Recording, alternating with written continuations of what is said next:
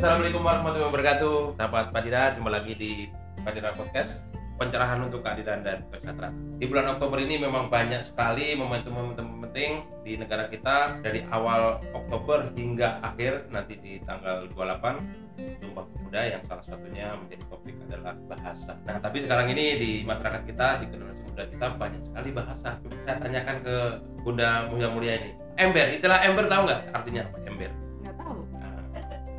Memang. Nah, ember itu artinya memang atau emang ember. Kemudian ada bahasa lagi kepo. Kepo. Kalau kepo sering dengar sih pasti kepo. Kepo itu adalah istilah rasa ingin tahu. Kepo. Kepoin berarti dia membongkar-bongkar informasi tentang sesuatu. Itu dikepoin dibongkar-bongkar informasinya. Terus ada bahasa-bahasa yang itu lahir dalam belakangan ini di di peradaban milenial ini ya banyak sekali bahasa.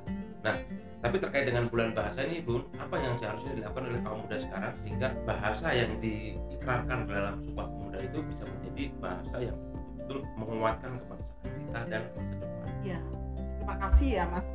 Kan sudah mengangkat satu tema yang itu penting ya karena banyak orang yang nggak sadar bahwa bahasa itu penting banget loh. Kalau nggak ada bahasa kita mau ngapain coba Terkait dengan identitas Iya, kebangsaan ya. bukan, bukan hanya identitas bangsa, tapi juga alat komunikasi yang amat penting ya, dan sebagai pemersatu bangsa kita. Karena itu sahabat Padira, kita kembali lagi, ini adalah pencerahan untuk keadilan dan kesetaraan.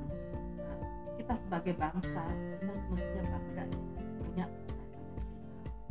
Karena gak semua bangsa itu punya bahasa nasional loh. Kita lihat aja India, sampai sekarang masih bingung gimana nih bahasa nasionalnya ini apa. Hmm. Jadi kalau kita dengar bahasa, orang India bicara, tiba dia berbahasa Inggris, tapi logatnya logat India kan bingung kan. Jadi Oh. kadang-kadang kalau saya ke India saya kadang-kadang meskipun saya mengerti bahasa Inggris, kalau dengerin mereka berbahasa Inggris itu bingungin bahasa apa.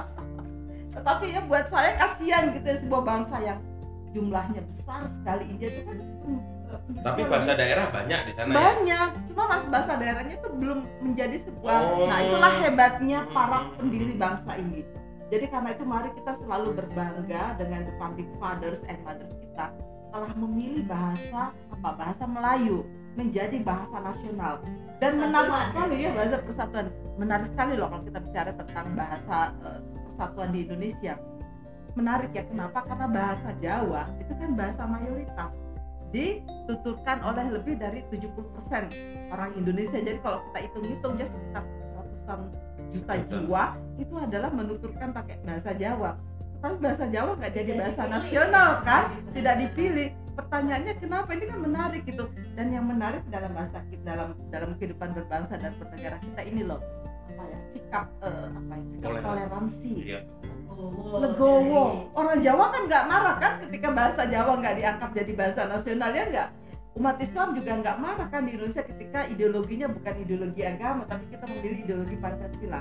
Nah dari sinilah sebetulnya dalam eh, konteks kita merayakan bulan bahasa ini Mas Lukman kita harus menangkap semangat semangat toleransi ya semangat semangat solidaritas dari bangsa kita nih yang perlu kita lestarikan dan perlu kita kembangkan lebih jauh lagi untuk generasi yang akan datang. Jangan sampai nih ya bangsa generasi kita yang akan datang kehilangan toleransi kehilangan semangat solidaritas kehilangan semangat bersatu hanya karena hal-hal yang eh, tidak masuk akal kira-kira gitu. Ya makanya itu soal bahasa ini kan luar biasa sekali bahwa kalau kita break- breakdown itu ternyata itu mengandung nilai-nilai bukan hanya komunikasi tapi toleransi. betul Dan sekarang ini kan ada bahasa nih, kan termasuk bahasa juga. Cebong dan kadrun, eh, kampret.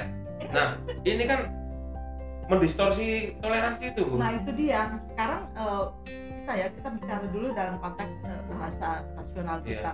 Jadi eh, kenapa ya bahasa Melayu? Bahasa Melayu penuturnya nggak sampai 2% loh di Indonesia. Itu kan Hmm. sebuah bahasa lokal yang tadinya hanya digunakan oleh penduduk Deli Serdang di Sumatera Utara. Sedikit sekali sebuah wilayah yang kecil ya.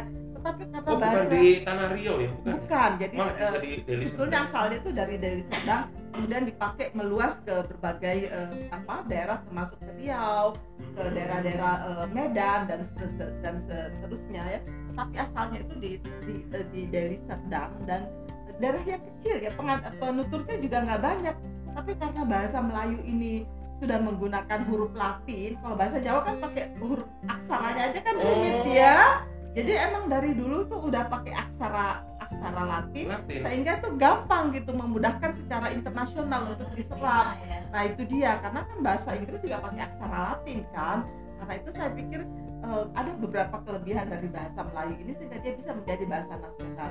Nah keputusan pemerintah untuk menjadikan bahasa Melayu sebagai bahasa resmi dan bahasa nasional kita inilah yang patut kita apresiasi. Nah, sekarang bagaimana kita menjaga agar supaya bahasa nasional kita ini nggak punah dengan istilah-istilah yang macam-macam tadi Mas Lukman betul. katakan buat saya sih oke kita menggunakan punya bahasa gaul karena di semua negara ya ada namanya bahasa eh, apa ya kalau Slang. Bahasa slang gitu ya atau bahasa prank ya. Iya. atau kalau di di Mesir itu namanya bahasa ami. Jadi di dalam dalam bahasa Arab juga sama. Jadi bahasa Arab ya. juga ada. Ada bahasa pusha bahasa pusha itu bahasa yang untuk tulisan.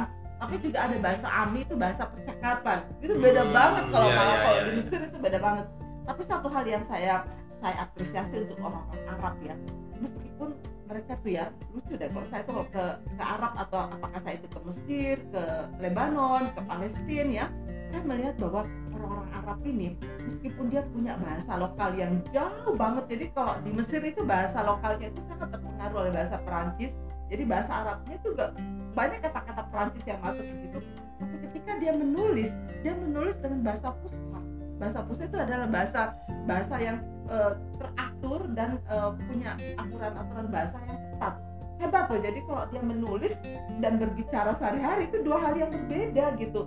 Nah karena itu saya pikir ya karena kita juga nggak bisa dong menghalangi eh, para penutur bahasa ini untuk menggunakan bahasa ini aja kan. Ya itu adalah kreativitas itu harus kita hargai. Tapi please ya tolong anak-anak muda di terutama tetap kita menghargai eh, apa nilai-nilai bahasa Indonesia. Jadi belajar bahasa Indonesia itu ada aturan-aturannya sesuai Iya. dengan KBBI kan? Kamus besar bahasa Indonesia. Jadi Sama kalau dalam menulis ya bu.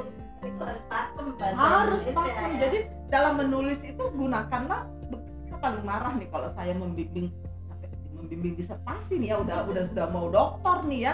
Itu apa ya para eh, penulis disertasi itu padahal udah mau selesai udah mau jadi dokter nih ya. Sudah sudah pendidikan yang tertinggi itu membedakan di sebagai eh, awalan dan sebagai kata kata depan ya, ya. jadi dia susah membedakan dia kalau menulis di rumah dengan Sama di bawah. dirumahkan dirumahkan itu dua hal yang berbeda. kadang-kadang Iya. pikir kenapa ya? Padahal udah selesai dokter nih ya. Masih aja keliru. Dia kan kalau saya bilang aduh aduh maaf bu itu lupa. Bukan soal lupa kamu nggak paham saya katakan itu kapan kamu gunakan di sebagai awalan dan kamu kapan kapan kamu gunakan di sebagai kata depan? Itu kan dua hal yang berbeda. Kalau mengatakan di atas ya mesti berpisah dong. Kata itu kata depan. Kalau kamu mengatakan Di di atas antar atau diatasi itu kan menjadi kata depan. Jadi dua hal yang berbeda. Karena itu saya kadang-kadang sampai marah gitu ya. Tapi ya ini adalah bagaimana kita tidak menghargai Iya. aturan-aturan baku dalam berbahasa. Karena itu saya pesan saya kepada para milenial dan juga kita semua rajin-rajinlah membaca aturan dan kaidah bahasa yang tertera di dalam KBBI Kamus Besar Bahasa Indonesia. Saya aja nih Mas Lukman kalau ketika saya menulis itu kamus besar itu ada di samping saya. Karena kalau saya mau memastikan kata itu benar nggak untuk kalimat ini? Karena Hmm. pilihan diksi itu juga pilihan sebuah ya. kosakata itu penting. Kadang-kadang kadang-kadang begini ya nah ini juga saya me, apa ya me- mengkritisi nih para para eh, jurnalis kita kalau bilang diperkosa digagahi Hah, kok digagahi sih katakan aja diperkosa sehingga itu Iya, karena gagah sama perkosa beda ya, Bun. dua ya. hal yang berbeda apalagi Iya. ditiduri lah itu kan me- mengurangi makna kejahatan itu sendiri kalau ditiduri seolah-olah bukan kejahatan kan karena itu saya tolong deh para pekerja media juga menggunakan bahasa Betul. ini sesuai dengan Iya. makna sebetulnya Satu lagi, Bun. Eh, Iya. Mungkin ini penting ya, Bun ya. Jadi menyangkut soal ini referensi pemakaian bahasa yang betul bahasa Indonesia yang menurut KBBI. Saya kira di dunia digital ini mungkin pemerintah perlu perlu menyesuaikan di kita nih ya bun ya sekarang ini kan kalau kita ngetik di smartphone kan ada auto text bu Mhm. ada kita baru ngomong soal eh, dan misalnya nih itu auto textnya DNA jadi gitu kita sering-sering tipu ini terus di dimanja atau di diantar. Diantar itu kalau autotek kadang-kadang itu memang dipisah bu. Diantar itu. Nah ini salah. Harusnya ini pemerintah juga jeli juga harusnya ya menyediakan fasilitas digital tersebut sebagai autotek dengan benar sehingga masyarakat awam yang belum paham soal bahasa, bahasa Indonesia sesuai dengan EJD tadi itu bisa langsung terkoreksi dengan sendirinya. Nah sekarang ini yang terjadi kan autotek itu diproduksi oleh eh, pihak-pihak di Luar. aplikasi ini aplikasi luar yang Nah. dia ngoding segala macam. Nah ini sangat penting sekali bagi Kominfo ya atau Kemendikbud untuk mengatur hal tersebut. Apalagi Nadiem Makarim kan paham. mestinya kita betul-betul mendorong pemerintah untuk betul-betul karena kalau pemerintah sendiri abai ya terhadap upaya-upaya eh, menjaga kelestarian dan eh, apa bertumbuhnya bahasa Indonesia ini ya gimana masyarakat ya kan? Kan kita lihat pemerintah pemerintahnya abai menggunakan diksi yang keliru misalnya. Kadang saya pikir apa maksudnya ini ya? Kadang-kadang seperti apa ya? Tidak paham dengan eh, bahasa Indonesia ini juga penting. Supaya bahasa Indonesia ini kan bukan bahasa yang gampang ya bahasa yang tumbuh. Jadi karena itu mari kita lihat eh, dalam penyerapan bahasa karena sebagai bahasa yang terbuka kita menyerap banyak istilah-istilah dari berbagai bahasa dari bahasa Inggris dari bahasa Arab banyak Iya. sekali loh bahasa apa eh, kosakata yang kita serap. Nah buat saya nggak masalah tetapi bagaimana kita mengajarkan kecintaan terhadap warga terutama terhadap kelompok muda untuk menggunakan bahasa Indonesia dengan baik, dan benar. Karena itu nggak mudah loh. Saya melihat ya bahwa banyak orang yang memandang enteng ya bahasa Indonesia. Sementara kalau dia nulis itu berantakan memalukan sebetulnya Kalau pengalaman Orde Baru dulu ada ada Indonesianisasi, misalnya ini real estate jadi real estate jadi real estate, terus kemudian ada apa lagi ya? Itu di Indonesia kan semua itu. Itu Ya, gimana? boleh saja sih tetapi mesti harus mem- kalau misalnya ada bahasa yang eh, lebih seperti eh, apa ya daring gitu kan Mm. kita kan punya eh, bahasa ya Ya, gawai. ya, gawai online sama Iya, jadi offline. offline. Jadi mestinya kita mencari eh, misalnya eh, apa ya petahana itu kan bahasa-bahasa yang ada dalam eh, apa kosakata kita kan. Jadi mari kita munculkan sehingga kita tidak terlalu banyak juga menyerap. Jadi kalau seperti di Malaysia itu aneh banget loh karena hampir semua bahasanya itu udah menyerap Aneh dari luar. Jadi bu- saya merasa Toilet lebih aja bilik termenung. saya menjadi apa ya lebih Iya. apa ya lebih percaya kepada bahasa Indonesia untuk bisa menjadi bahasa yang mendunia karena Mendunia, kita mampu betul. menciptakan eh, bahasa-bahasa atau kosakata yang eh, pas ada ya. yang ada dari dalam bahasa bahasa- dari dalam apa lokal bahasa kita Tapi sendiri. kadang ini kalau mendengar orang ngomong ya campur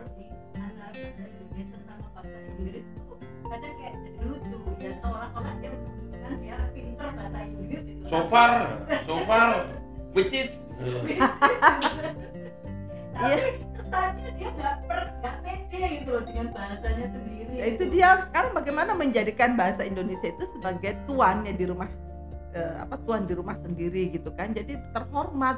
Karena kalau berbahasa Indonesia berbahasalah dengan cara yang baik dan benar karena saya pikir kalau kita semuanya menghargai bahasa Indonesia karena siapa lagi akan menghargai bahasa Indonesia? Kalau kita sendiri orang Indonesia nggak menghargai kan? Nggak mungkin lah orang luar.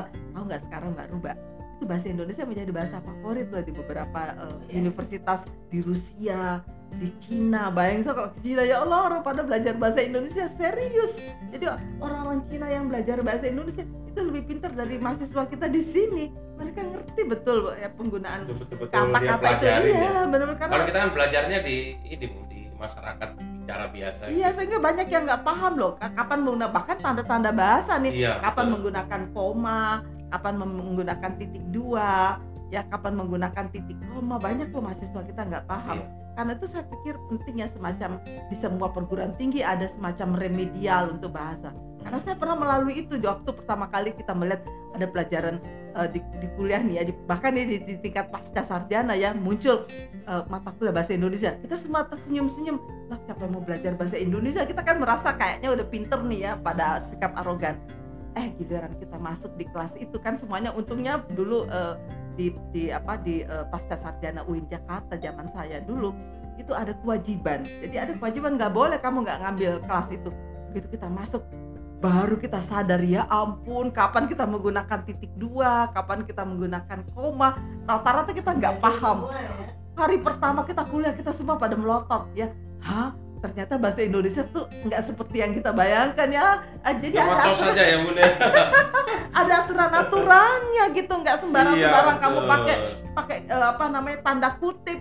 Kapan kamu gunakan tanda kutip? Di mana kamu harus gunakan titik Tanda ya? tanya. dan mana kamu gunakan habis tanda tanya apa, apa harus pakai tanda titik lagi? Jadi itu hal-hal yang sangat sangat sepele Tapi Tapi begitu kita paham. tapi begitu kita pelajari ya Allah untung saya tuh merasa beruntung sekali pernah remedial bahasa Indonesia dan itu di pasca sarjana kebayang nggak sih? Waktu Iya. itu banyak orang yang pandang enteng loh gitu gitu waktu nilai semester pertama kita banyak yang anjlok banyak lah yang dapat di bawah di bawah nilai 6 pada ketawa semua ketawa mentertawakan diri sendiri.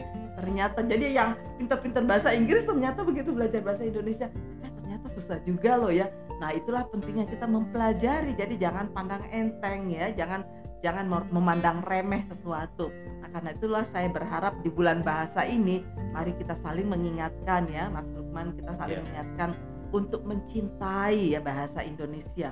Bukan berarti bahwa bahasa Indonesia itu adalah bahasa yang gampang tetapi bagaimana kita mencintai bahasa ini sehingga bahasa ini betul-betul menjadi bahasa yang eh, menjadi pemersatu di antara kita dan kita berharap suatu saat bahasa Indonesia bisa juga dong menjadi salah satu bahasa dunia muncul di PBB gitu kan jadi kalau di PBB muncul Amin. oh salah satu bahasa yang bisa kita pilih itu bahasa Indonesia wah asik Iya. banget ya enggak baru Nah, pencapaian ya. Nah, tapi kan untuk menjadi menjadi satu tingkat menjadi bahasa Indonesia perlu usaha keras ya. Bagaimana KBBI juga menjaga supaya kualitas eh, apa kosakata itu akan bertumbuh karena kalau nggak bertumbuh dianggap bukan bahasa yang berkembang. Bertumbuh dengan menyerap bahasa dari luar dengan cara-cara yang baik, tapi juga jangan salah menyerap bahasa-bahasa lokal. Iya. Karena itu. Pun kalau K- di KBBI itu dinamis juga sih kan ada penambahan-penambahan. Oh iya, Itu setiap tahun. setiap tahun ya. Iya, setiap Oh, tahun iya, itu iya. berubah. Jadi setiap tahun tuh ada penambahan Iya. ada perubahan itu ada. Iya. Oh. bahkan eh, bahkan sekarang sudah ada dalam bentuk digitalnya karena itu Iya. banyak orang yang udah nggak mau pakai KBBI yang besar gitu kan. Ah Iya. itu kuno. Saya bilangnya biarin aja. Tapi kalau saya sih suka aja buka-buka KBBI kalau ada Berarti apa- KBBI ini bisa dijadikan referensi untuk auto text gitu. oh iya harusnya ya cuma ya karena kurang perhatian aja nah pemerintah, nih. Pemerintah. kita dorong nih sekali lagi. Aduh, kalau Ya, pemerintah bagaimanapun ngelus dada terus pun. tetap dong namanya pemerintah kan dia kan orang yang diamanahi untuk melakukan perbaikan dan Iya. pencerahan kan? Nah kita kan masyarakat sipil kan hanya be- berpartisipasi. Tugas yang utama kan tetap pada pemerintah. Jangan salah loh ya makanya nggak gampang dong jadi aparatur negara atau aparatur pemerintah. Kalian punya tugas yang sangat berat bagaimana membawa bahasa Indonesia ini menjadi bahasa dunia.